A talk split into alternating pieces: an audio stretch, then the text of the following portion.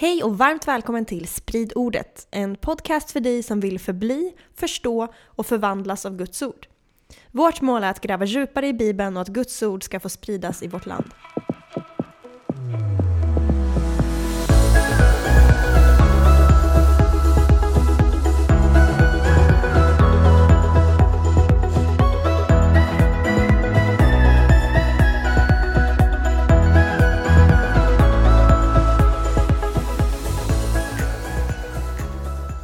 Välkommen till andra avsnittet i serien Greppa GT.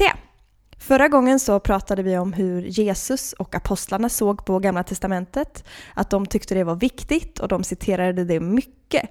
Så därför borde även vi som följer Jesus läsa i Gamla Testamentet också.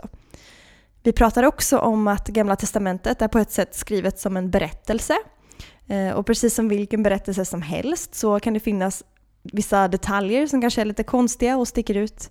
Men eh, alla alla smådelar är viktiga och leder till helheten, vilket är Jesus. För Gamla Testamentet pekar på Jesus. Och Gamla Testamentet är inte vilken berättelse som helst, för den är, precis som hela Bibeln, är den utandad av Gud. Eh, så det är väl lite en summering på vad vi pratade om förra gången. Ja, exakt. Eh, bilden Jesus hade av Bibeln var ju att den handlar om honom. Och eh, vi, vi, kollade på hur han summerade det i Lukas 24 och hur det handlar om hur han menar att hela Gamla Testamentet, de 39 första böckerna i vår bibel, eh, handlar om att han kommer dö, lida och eh, övervinna döden för att sedan erbjuda en helt ny inriktning för mänskligheten och eh, med omvändelse och förlåtelse. Eh, och idag ska vi kolla på hur den berättelsen förstärks i de första fem böckerna i Bibeln, Moseböckerna. Så i det här avsnittet kommer vi börja kolla lite på Moseböckernas syfte och att det inte främst är att vara en lagbok utan att vara en berättelse. Vi kommer kolla på att eh, när man ser det i den linsen så kommer det förändra hela sättet man eh, läser de här böckerna, de första fem böckerna i Bibeln på. Och sen kommer vi kolla på det här konceptet berättelser som profetior, vilket eh, kommer vara revolutionerande. Spännande. Så jag tänkte börja det här avsnittet med att fråga dig, Jenny, när, jag, när man säger så här, eh, jag följer Bibeln, ja. vad tror du det första är, ofta är som en icke-troende människa tänker då när man säger så, jag följer Bibeln? Eh, jag, eh, det första som jag börjar tänka på är ju de tio budorden. Eh, det är ju en sån grej som man ofta lär sig i religionskunskap eller om man konfirmerar sig. Ehm, så det är väl det jag tror är det första man tänker på.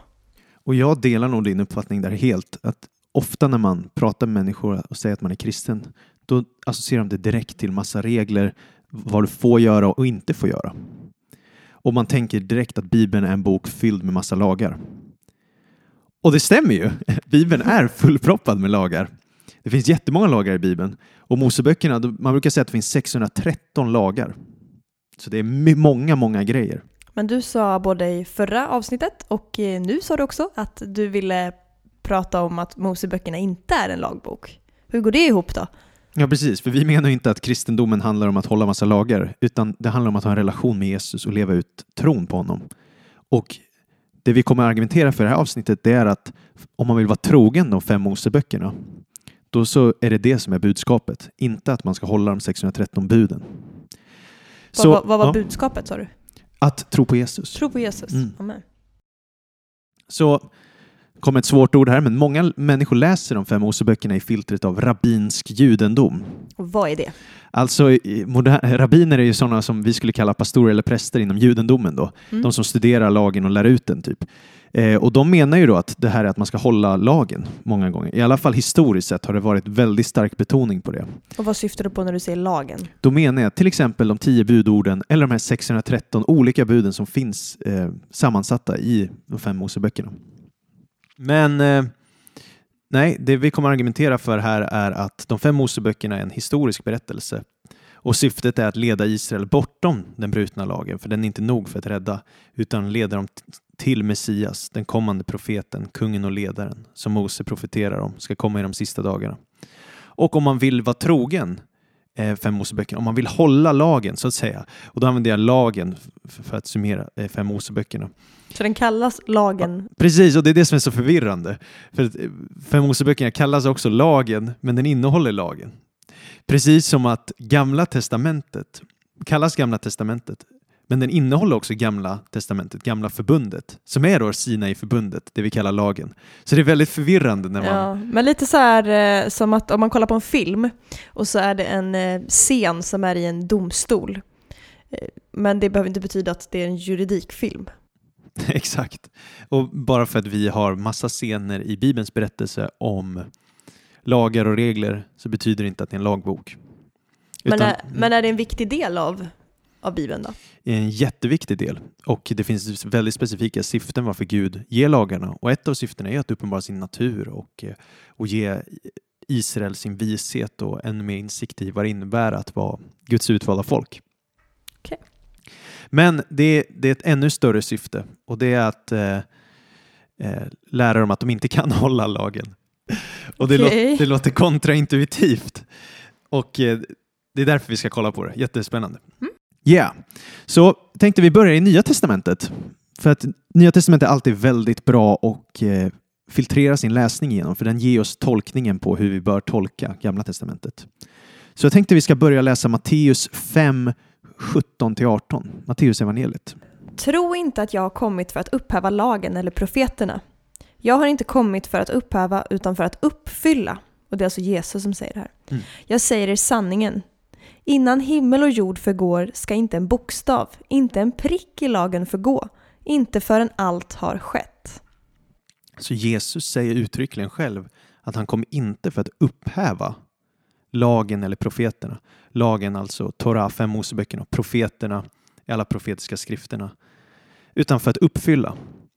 Och då när man läser det som modern läsare tänker man, aha, betyder det att alla lagar i Moseböckerna gäller mig idag? Ska jag hålla dem? Får jag inte äta gris eller får jag inte bryta mot sabbaten? Och allt det här, det väcker ju många frågor. Mm. Men vad menar Jesus när han säger lagen och profeterna?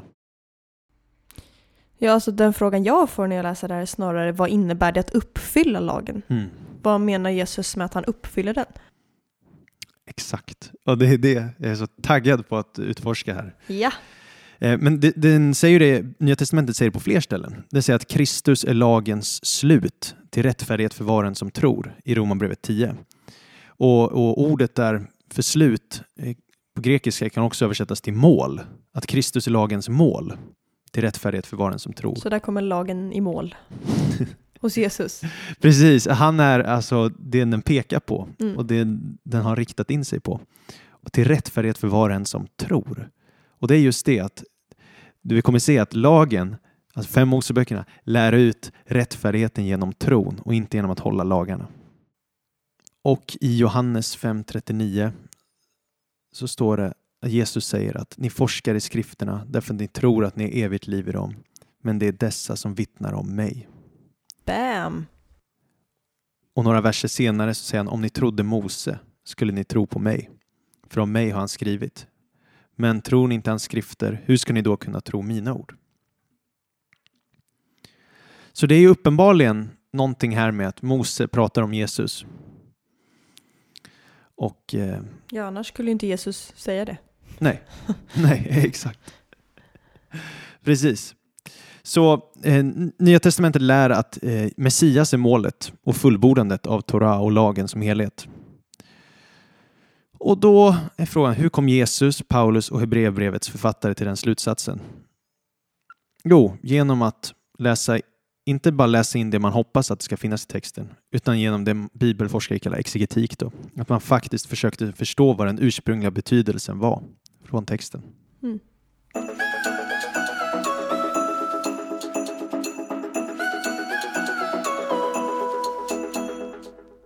Yes.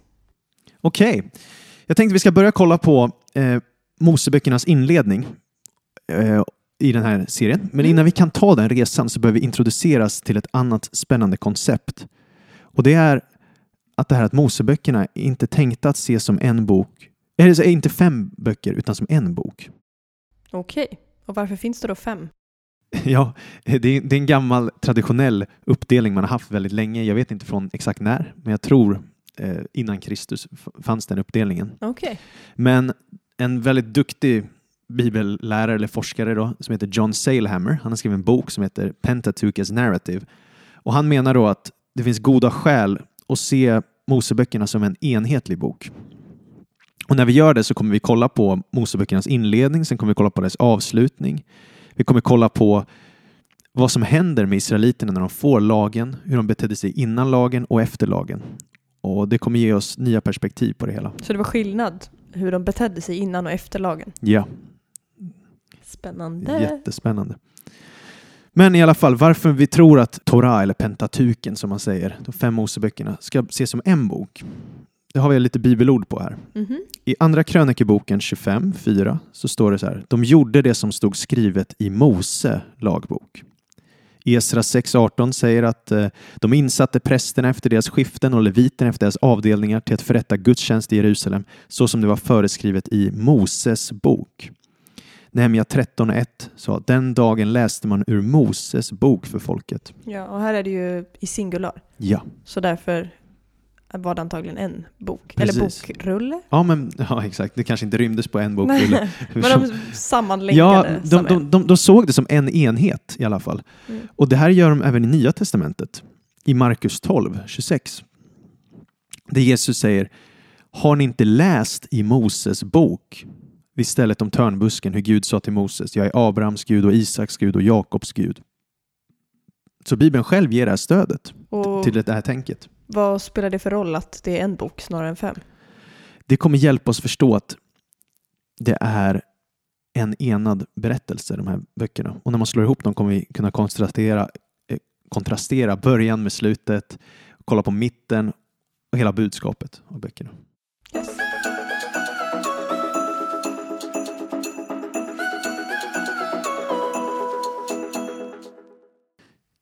Ja, då så. Nu ska vi börja djupdyka här. Och då är det en viktig princip vi behöver ha i bibeltolkning. Och det är det eh, många judar har noterat i många tider när de studerar skrifterna. Och det är en princip de kallar fädernas gärningar är ett tecken för sönerna. Okej. Fädernas gärningar är ett tecken för sönerna. Vad de menar med det är att det din generationen tidigare gjorde kommer troligtvis nästa generation upprepa. Att allting går i cykler att det är designmönster som upp- repeterar sig. Så att du menar att det finns eh, saker som händer i en tidig berättelse i Bibeln, det liknar saker som kommer hända senare? Precis. Och det här är något eh, Nya Testamentet bekräftar. Den säger till exempel att eh, Adam är en förebild på Jesus i Romarbrevet 5. En förebild som är en bild i förväg. Mm. När vi säger förebild eh, nu i modernt bruk, då är det mer någon man ser upp till. Så Adam var inte Jesus förebild nej, på det sättet. nej, precis. Det vore märkligt. Jesus bara wow, jag vill synda som Adam. Nej men. Nej, utan det, det är någonting annat. Han målar upp en bild som, som Jesus kommer sen eh, spin-off av, så att säga. Samma sak har vi i första Korinthierbrevet 10. Du skulle kunna läsa det för oss, vers 1-6. Bröder, jag vill att ni ska veta att alla våra fäder var under molnskyn och att alla gick genom havet. Alla blev i molnskyn och i havet döpta till Mose. Alla åt samma andliga mat och alla drack samma andliga dryck. De drack ur en andlig klippa som följde dem och den klippan var Kristus. Men de flesta av dem hade Gud inte behag till. De föll och låg kringspridda i öknen. Det som hände dem har blivit ett varnande exempel för oss för att inte vi, liksom de, ska ha begär till det onda. Ja, så här står det ju att Jesus var med. Ja. Att eh, klippan var Kristus. Jätteintressant. Så det blir Verkligen. att det är bilder i förväg. Och att de här människorna är exempel för oss. Så att våra fäder, våra andliga fäder, deras gärningar kan bli ett tecken för oss. Som vi ska helst inte upprepa. Men ja. Och, och det är samma sak att eh, i, i- första Petrusbrevet i Nya Testamentet så pratar det om hur, hur dopet eh, har en bild i förväg på Noas ark och Noas flod. Hur det är en bild på dopet i förväg. Så skulle man kunna säga då att berättelserna i Gamla Testamentet, alltså en hel berättelse, är profetisk? Ja. Och jag tror här kan vi komma in på en jätteintressant diskussion och det är att jag tror att mycket i väst så har vi ett väldigt linjärt tänkande snarare än ett cykliskt tänkande. Så vi tänker ofta att en profetia är en förutsägelse och sen ett uppfyllande. Mm. Eller hur? Någon säger något och det går i uppfyllelse. Mm. Medan jag tror mer ett österländskt tänkande, mer ett judiskt tänkande är att saker sker i cykler. Så det kan uppfyllas flera gånger. Exakt. Och det är inte bara, det händer bara en gång, utan det, kan, det finns flera lager av det hela. Och vi, vi kommer märka det sen att påskberättelsen har ett lager i att det är en minneshögtid från uttåget ur Egypten. Men det är också en skuggbild i förväg på, på Jesus och eh, vad han skulle göra på påsken. Och så vidare. Det, det är mycket mer ett cykliskt tänkande. Mm. Och vi tänker ofta så här, ah, en profetia kan bara gå i uppfyllelse en gång och det här är det enda som gäller i skrifterna.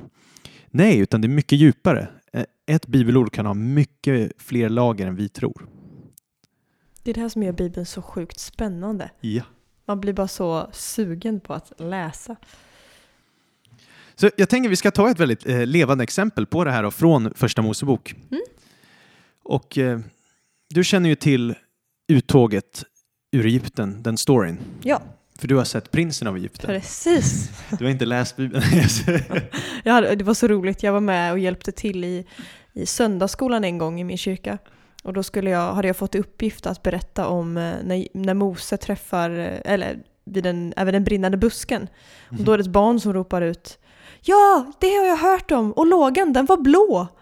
Och jag bara Ja, jo, kan, kanske det var, jag vet inte. Och när jag berättar vidare så är det någon, ett barn som avbryter mig och säger Nej, så var det inte! Det var, det var på ett annat sätt. Så jag bara, ja, jo, kanske. Så att det är på gott och ont med de här filmerna. Bra film, men eh, ja. Det blir ibland klurigt att urskilja vad står i Bibeln och vad, vad var poetisk eh, ja. utvikning eller utläggning. Ja, Det var härligt. Fina Ja. barn. Nej, men så jag tror det många missar i sin läsning är ju de här mönstren. Att det upprepar sig saker hela tiden och vi ska lägga Mm. märke till dem. Och det är det här som gör Bibeln så otroligt spännande att läsa. För det är att man ska läsa det om och om igen och se kopplingar. Yes. Och- Hade du något exempel? Ja, jag har ett exempel. Mm. Om du läser Första Mosebok 12 för oss så kommer vi läsa en berättelse om Abraham innan han blir Abraham. Yes. Och sen så ska du bara ha i åtanke hela tiden eh, Moses berättelse om och uttåget ur Egypten samtidigt som du läser det. Ja, från vilken vers ska jag läsa? Från vers 10. Men det blev svält i landet och Abram flyttade ner till Egypten för att bo där som främling, eftersom svälten var svår i landet. När han närmade sig Egypten sa han till sin hustru Sarai Jag vet ju att du är en vacker kvinna. När, eh, när egyptierna får se dig kommer de att säga hon är hans hustru och så dödar de mig men låter dig leva. Säg därför att du är min syster så går det bra för mig för din skull och jag får leva tack vare dig. När Abram kom till Egypten såg egyptierna att Sarai var en mycket vacker kvinna. Faraos hövdingar fick se henne och prisade henne inför farao och hon fördes inför, in i faraos palats. Och det gick bra för Abram för hennes skull. Han fick får, kor och åsnor, tjänare och tjänarinnor, åsneston och kameler. Men Herren lät farao och hans hus drabbas av svåra plågor för Abrams hustru Sarais skull. Då kallade farao till sig Abram och sa Vad har du gjort mot mig? Varför berättade du inte för mig att hon är din hustru? Varför sa du hon är min syster så att jag tog henne till hustru? Här har du din hustru, ta henne och gå! Och farao befallde sina män att skicka iväg Abram med, med hans hustru och allt han ägde. Ja, Vad tänker du när du läser det här? det finns ju massa spännande kopplingar. Ehm, dels så folket som Abraham tillhör, eh, det står inte så bra, still, eh, bra till. Vid Moses så var de slavar. Abraham, det var svält där han var. Ehm, och han var en främling i Egypten. Det var också eh, Israels folk i, eller de kanske inte hette Israels folk då. Jo. Jo, det heter de. Eh, I Moses berättelse. Och eh, en familjemedlem som eh, lever som i, en, i faraos familj fastän att den tillhör en annan familj. Mose fick ju växa upp i faraos palats trots att han inte tillhörde den familjen. Uh, vill du ha fler exempel? Snyggt. Ja, jag kan, jag kan eh, Eller vill du fylla in? Ja, jag vill fylla i här Ja. eh, med lite bibelreferenser också, för det är jättebra observerat. Det börjar ju med en hungersnöd. Det är också skälet till varför de sen i, i den berömda storyn kommer till Egypten, för det är en hungersnöd. Precis som det är en hungersnöd här, så är det en hungersnöd i Första Mosebok 43. Ja, det kanske, är det så de blir slavar? För att de kommer till... De kommer till fly till Egypten, Egypten, på grund av hungersnöd. Mm. Så de flyttar till Egypten, precis som Abraham flyttar till Egypten på grund av hungersnöd. Och sen sker en livshotande situation för mä- männen, men inte kvinnorna. För det är Abraham i den här storyn vi lä- läste, Abram Ab- ursäkta, heter han. Abraham, eh, så blir han ju hotad till livet. Han är ju livrädd. Mm. På samma sätt så var det ju de här gossepojkarna som eh, hotades till liv och kastades i Just havet och skulle dödas. I Nilen. I Nilen. Inte havet, ursäkta, i Nilen, floden. Och sen har du en fångenskap hos farao, Ja. eller hur? Ja. Du har plågor på egyptierna. Du har hur de i båda fallen blir de utskickade ur Egypten på grund av plågorna. Och eh, genom uttåget så får de med sig stor rikedom. Både i Andra Mosebok 12 och här i, i Första Mosebok 12 så har vi hur de tågar ut med, med rikedom. Mm. Så det här är bara en liten kort bild på designmönster då. För det här är till för att hjälpa oss se att okej, Abrahams berättelse är som en profetisk bild i förväg på det som ska hända Israels folk. Med Mose. Mm. Mm. Och ett annat bra exempel på den här principen, bibelläsningsprincipen, är Ja. Noa. Hur Noa är en bild i förväg på Mose. Okej, hur då? Så i, i, när vi läser Bibeln på svenska då vet man kanske att Gud räddar Noa och hans familj ur döden i vattnet genom en ark. Noas ark. The big boat. The big boat. Vilket är hebreiska ordet teva. Som används i första Mosebok 6. Men chocken då för oss läsare på svenska det är att Moses också blev räddad i vattnen genom en teva. En ark. Är det samma ord för korgen som man åker i?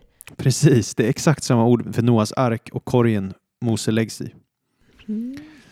Och här, varför är det här märkvärdigt? Jo, men för att det vanliga hebreiska ordet för korg är salv. Det är inte teva. Så att om man skulle läsa den här texten som eh, hebreisktalande, Mm. då skulle man reagera när Exakt. man ser. För enda andra, den end, enda andra gången det här ordet används är i, i Noas arkberättelsen. Mhm. Så det här är bara till för att det är bara plinga till i huvudet. Oh, vänta lite. Båda blir räddade i vattnet genom en ark. Och då kommer man börja eh, dra paralleller med Mose och Noa. Då kan man dra det jättelångt så kan man börja tänka bara, just det, Noa får ju ritningar från Gud på någonting han ska bygga, Mm. arken. Och Mose får ju det också i berättelsen sen. Han får ju ritningar till tabernaklet han ska bygga. Och just det, Noa blir en frälsare. Mose blir en frälsare. Och så, kan man, så är det bara till för att meditera och börja tänka och se kopplingarna mellan dem. Och då måste jag ställa frågan, varför är Bibeln skriven så här? Eller kommer vi till det längre fram? Varför är det liksom upprepningar fast lite annorlunda?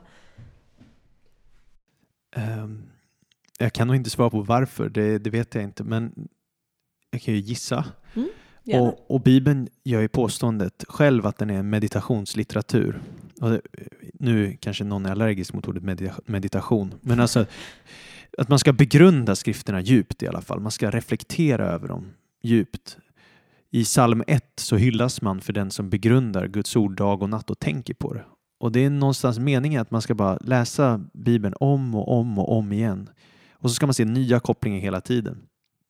Och det här är lite vi pratar om att ju mer man förblir i ordet desto mer förstår man det. Ja.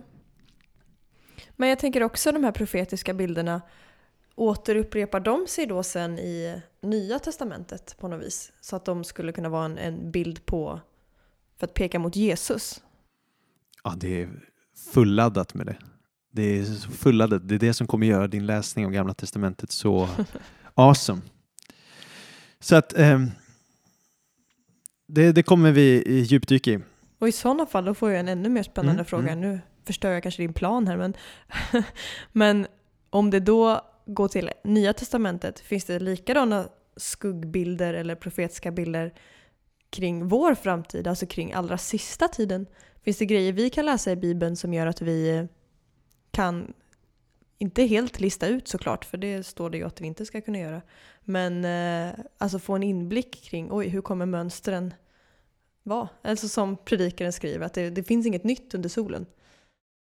Ja, wow. Eh, det är en väldigt stor fråga. Jag kan ju ta den kort då. Det, det är verkligen Ja, off, off topic här. Men, Sorry. men, men, eh, eller, Inom fast det, är, parentes. det är ändå en topic eh, så, men, eh, ja, men det, det är absolut. Det är ju, alltså, historien upprepar sig. Och tänk dig att vi har eh, de fem Moseböckerna. Och sen har vi Josua. Sen kommer Domarboken. Sen kommer Rut. Sen kommer Samuelsböckerna. Sen kommer Kungaboken. Och allt det här är på något sätt en bild i förväg på det vi kommer vara med om också. Eh, tänk dig att om vi, om vi bara klassar fem Moseböckerna som lagen, då kan vi säga det profetiskt som Gamla Testamentet. Efter det kommer Josua. Josua är en bild på en frälsare som vill leda in folket i det förlovade landet. Mm. Josua betyder ju också, eh, har exakt samma namn som Jesus. De har precis samma namn på hebreiska, Jeshua. Och då blir en bild på att efter Gamla Testamentet så kommer Jesus. Sen efter det har du Domarboken Mhm. efter Josua som är Israels avfall. Hur Israel vänder bort från Gud ganska kraftigt och förkastar Om och om igen. Guds vägar. Och på samma sätt när Jesus kom då första gången så förkastade Israel honom. Mm. Men i domarbokens tid så fanns det också någon som heter Rut. Hon är en brud, en hednisk brud, en hedna brud som gifter in sig i släktet med en, en man som heter Boas och får ta del av eh, löftesfolket. Så hon är inte från Israel men Boas är från Israel. Mm. Och det blir på något sätt en bild på oss hedningar som gifter in oss till Kristus och blir Kristi brud. Ett koncept som var en verklighet långt innan Knut hijackade ordet. Eh, Men i alla fall så Rut blir en profetisk modell på kyrkan och Kristi brud. Mhm. Och sen direkt efter Rut har du ju Samuelsböckerna och då är det hur Saul blir kung. Alltså Israels val av en egen kung. Och det nästa som står på scenen för vår tid, det är att eh, det kommer att träda fram en person som heter Antikrist som eh, världen kommer välja. Det här är ju så spännande. Det är ju som att hela, varenda bok i Gamla Testamentet blir en eh, del i en ännu större berättelse. Ja, precis, och det upprepar sig. Och sen efter eh, Saul så kommer ju David som har Guds val av kung. Mm. Och efter Antikrist så kommer Jesus komma tillbaks. Jesu återkomst som är Guds val av kung. Och efter David så kom Salomo. Och Salomo initierade fredsriket och regerade med fullständig fred och skapade i princip Eden på jorden. Det porträtteras så i Bibeln. Och då, det är en bild på när Jesus kommer tillbaka så kommer han ju regera i ett fredsrike då, i tusen år och regera på jorden. Så om man bara ser de här Ah! parallellerna så ser man redan där att du har profetiska cykler angående våra dagar i de gamla dagarna. Så om du inte tyckte Gamla Testamentet var spännande innan, så here you go. Here you go. Men vi hade ju tänkt gå igenom eh, början av första Mosebok. Ja, Så- där var vi. Vi dyker tillbaks dit. Ja, förlåt. Det var bara så spännande.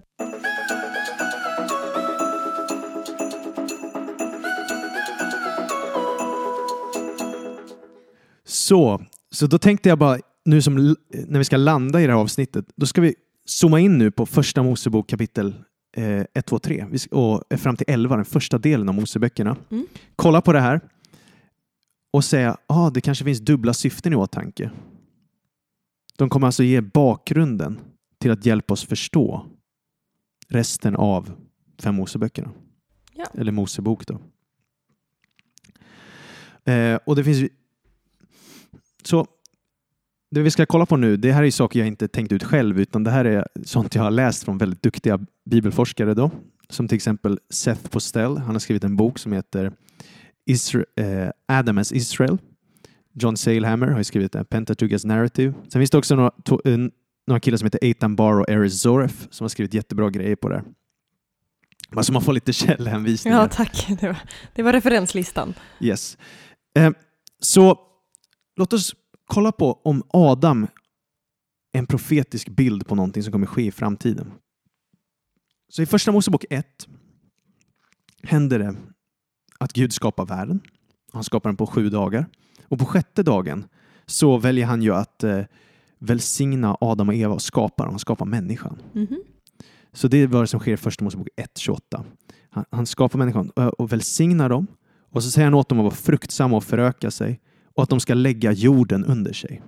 De ska lägga Eretz under sig. Så de ska regera över jorden. Ja, precis. Och Eretz, Vad sa du att Eretz betyder? Jorden? det, det är jorden, Mm. men det är också ett hebreiskt ord för landet. Så till exempel Israels land kallas Eretz. Och det här kommer bli relevant sen när vi ska kontrastera grejer.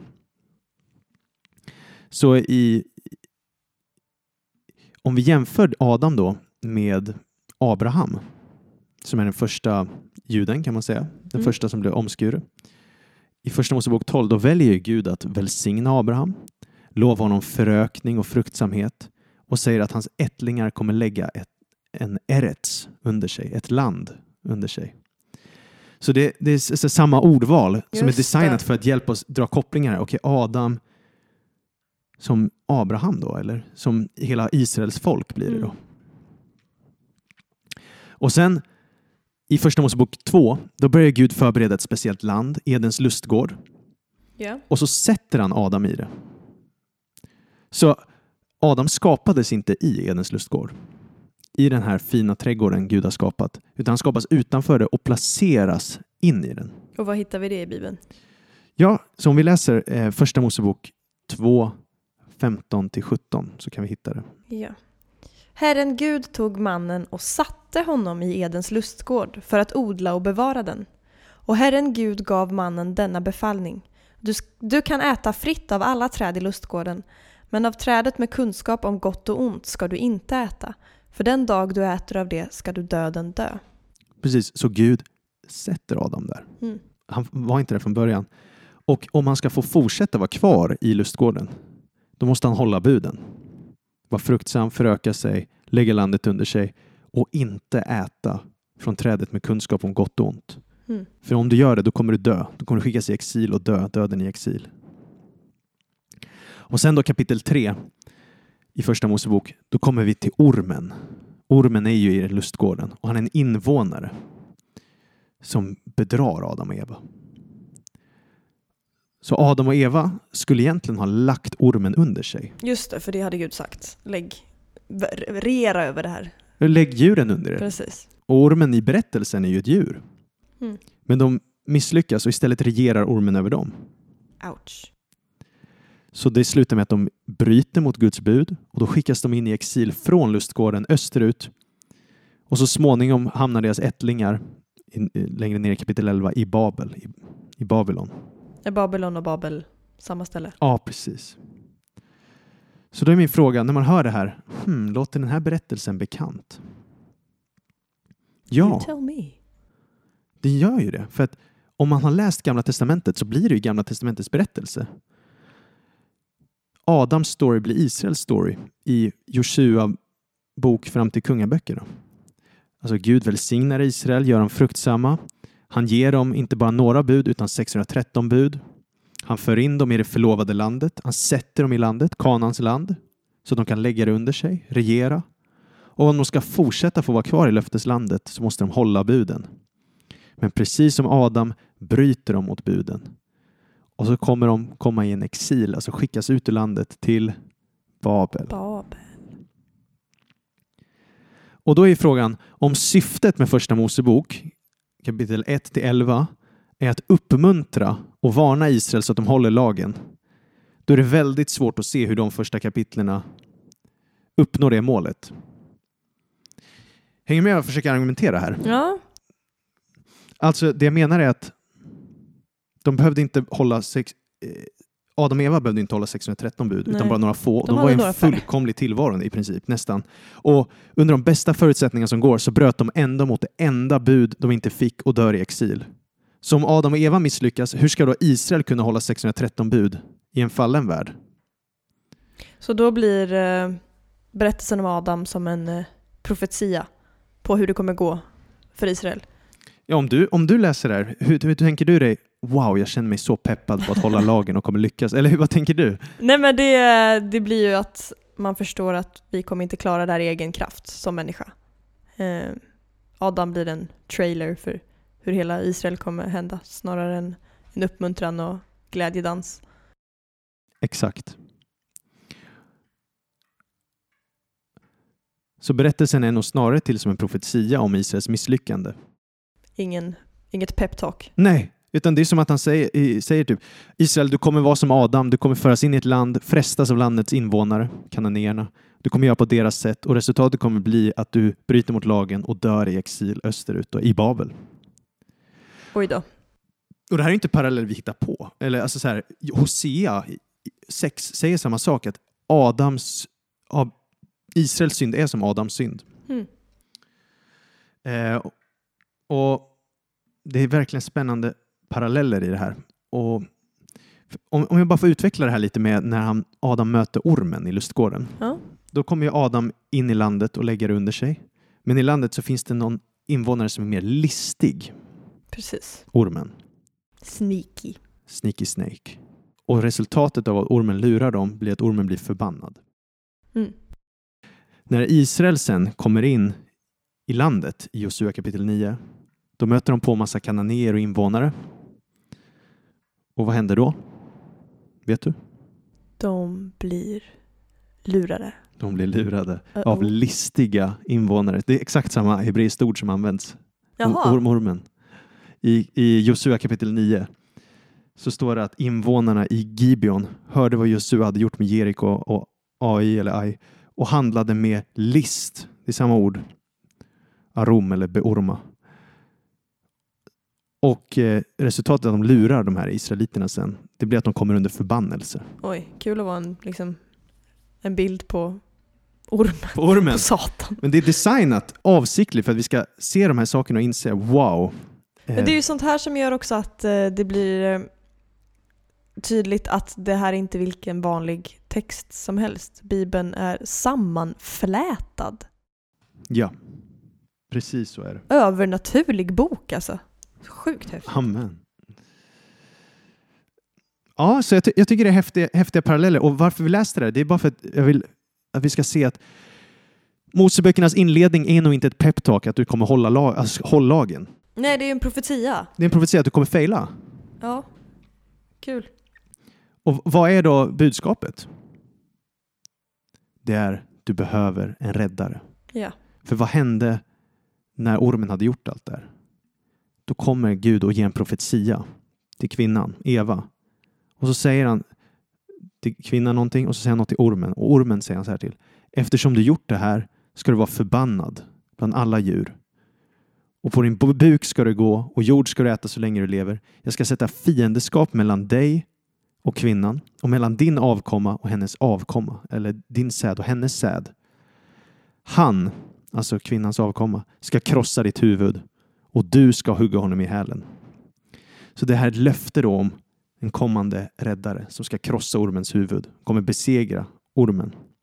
Så de ska inte sätta sitt hopp till att klara av att hålla buden, utan till en framtida frälsare som kommer besegra ormens makt åt dem, besegra det som besegrar dem. Mäktigt. Och så inleds hela Bibelns story. Så det är liksom Jesus redan från början. Det är bara Jesus. Summan av kardemumman är att människan klarar sig inte själv. Ja. Vi kommer faila. Men Jesus kommer besegra fienden. Ja. Jag har snackat så sjukt mycket nu. Skulle du vilja försöka typ summera vad jag sagt? Ska vi se om något har gått in? eh, nej. Eh, jo men vi har ju pratat om eh, det här som vi i början kallade för förebilder eller skuggbilder. Att eh, berättelser i Gamla Testamentet blir som profetior och eh, det är inte så att profetiorna uppfylls en gång utan de går i cykler. Så att man kan se mönster i tidigare berättelser, i senare berättelser. Och de här mönstren upprepas hela vägen till Jesus och in i framtiden, vissa av dem. Eh, och det blir liksom, eh, till exempel Adam-berättelsen blir som en profetia på hela Israels berättelse, hela Israels eh, folk, hur de lämnar Gud och hur de behöver en, eh, en räddare. Och eh, det behöver vi alla.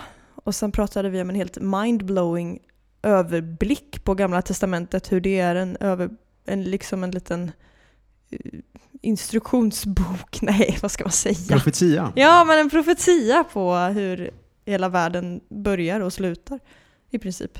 Ja, eller i alla fall frälsningsstoryn. Ja, Mm. har jag missat något nu? Nej, jag tycker det låter bra. Ja. Jag hoppas att det här har varit en eh, tankeväckande episod och har gjort så att fler vill gräva djupare i ordet. Ja, det vill jag i alla fall. Yes. Vad ska vi eh, prata om nästa gång? Vi kommer kolla på vad lagen gör människor och, och vi kanske kan toucha, vi får se om vi lyckas göra det, men toucha på lite praktiskt också. För oss kristna, hur vi ska förhålla oss till lagen idag och vad Mm. gör lagen med en människa? Och vad säger Nya Testamentet om det? För att, vad är syftet med att ge alla de här lagarna om de ändå ska bryta mot dem? Ja, rimlig fråga. Ja, men spännande. Ja. Eh, Då ser vi fram emot nästa avsnitt.